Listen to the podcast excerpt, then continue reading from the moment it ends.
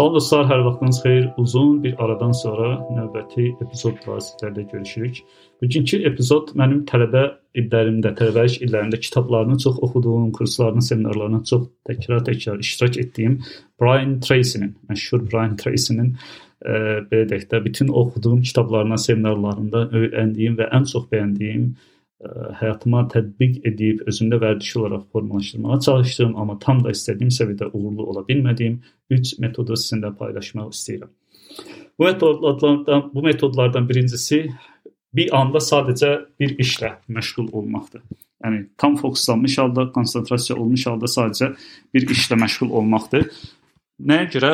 Bu çünki hazırda siz də bilirsiniz ki, telefonlarımız sağ olsun, sosial media hesablarımız, internet xəbər saytları, Clubhouse, Facebook bütün bunların hər birinə görə bizim davamlı beynimizə çox maraqlı gələn, beynimizi çox cəzb edən kifayət qədər məlumat alacağımız resurslar, yerlər, məkanlar var. Və bu da bizim üçün önəmli olan, çətin olan işlərə fokuslanıb o işin üzərində oturub işləyib o işi bitirmə ehtimalımızı, bacarığımızı ciddi ölçüdə zədələyir və işlərimiz bir ay vaxt alacaqsa ayrı-ayrı vaxt alır. Haqqında danışırıq, düşünürük, e, amma heç cürə o işləri bitirə bilmirik. Buna görə də mən fikirləşdim ki, bu metod bu gün üçün həddindən artıq önəmlidir hər birimiz üçün və əgər həyatımızda formalaşdıra bilsək, tətbiq edə bilsək, çox daha faydaları olacaqdır.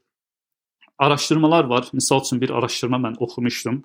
Hazırda tam xatırlamıram hansı jurnalda, dərgidə çıxmışdı. Har, ha və harda edilmiş araşdırma, amma belə bir e, statistika var idi ki, eyni anda bir neçə işlə məşğul olmaq, hansı ingiliscə buna multitasking deyirlər, insanın IQ səviyyəsinə mənfi təsir eləyir və IQ səviyyəsini 10-15 bal düşürmüş olur. Yəni bu doğrudan da çox dəhşətli bir şeydir. Düşündüyümüz, düşündüyümüz, düşündüyümüzdə ə, və başqa bir ə, e, yanaşma da, başqa bir iddia da budur ki, biz hansısa bir işlə məşğul oluruq və deyək ki, oturduq 10 dəqiqə, 15 dəqiqə o işlə məşğul olduq.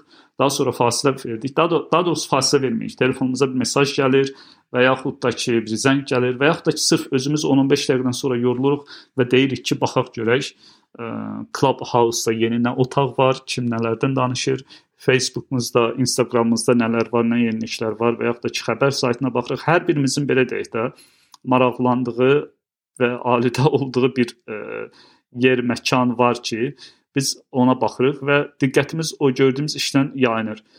15 dəqiqə baxırıq, bəzən bu 30 dəqiqə, bəzən saatlar da çəkə bilər. Sonra qayıdırıq yenidən o məşq bizim üçün önəmli olan, çətin olan işə. Və biz yenidən qayıtdıqda təkrar beynimiz anlamağa çalışır ki, mən nəyin üzərində işləyirdim, harda qalmışdım, mövzu nə idi?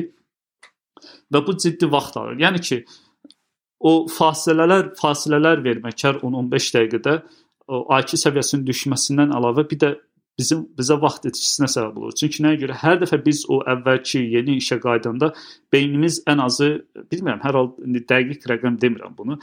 Deyək ki 10 dəqiqə misal üçün. Beynimiz ən az bir 10 dəqiqə vaxt sərf edir ki, harda qaldığına, nəyin üzərində işlədiyinə, problemin nə olduğuna, cavab tapmaq istədiyi sual hansı idi, o sualın nə olduğuna bir növ belə deyək də yenidən özünə xatırlasın və yenə onu fokuslansın.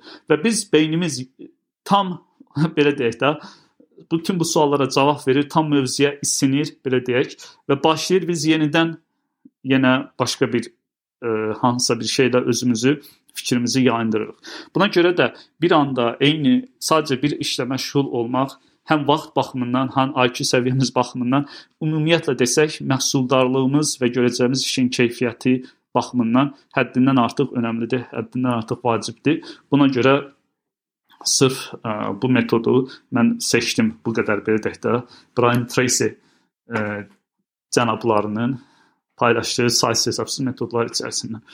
İkinci metod isə odur ki, e, geniş zaman dilimləri təşkil etmək özümüzə. Buna da ingiliscədə elə Brian Tracy kitablarında məsəl time blocking deyir.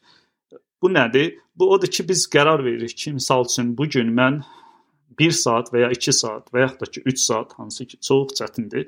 Sadəcə bu işin üzərində işləyəcəm, sadəcə bu işlə maraqlanacağam və bu 1, 2, 3 saat ərzində mənim telefonum, internetimdə, sosial mediamda nələr olursa, onlara baxmayacağam. Hər şey mənim üçün ikinci dərəcə olacaq, önəmsiz olacaqdır. Mən sadəcə bu işə fokuslanacağam.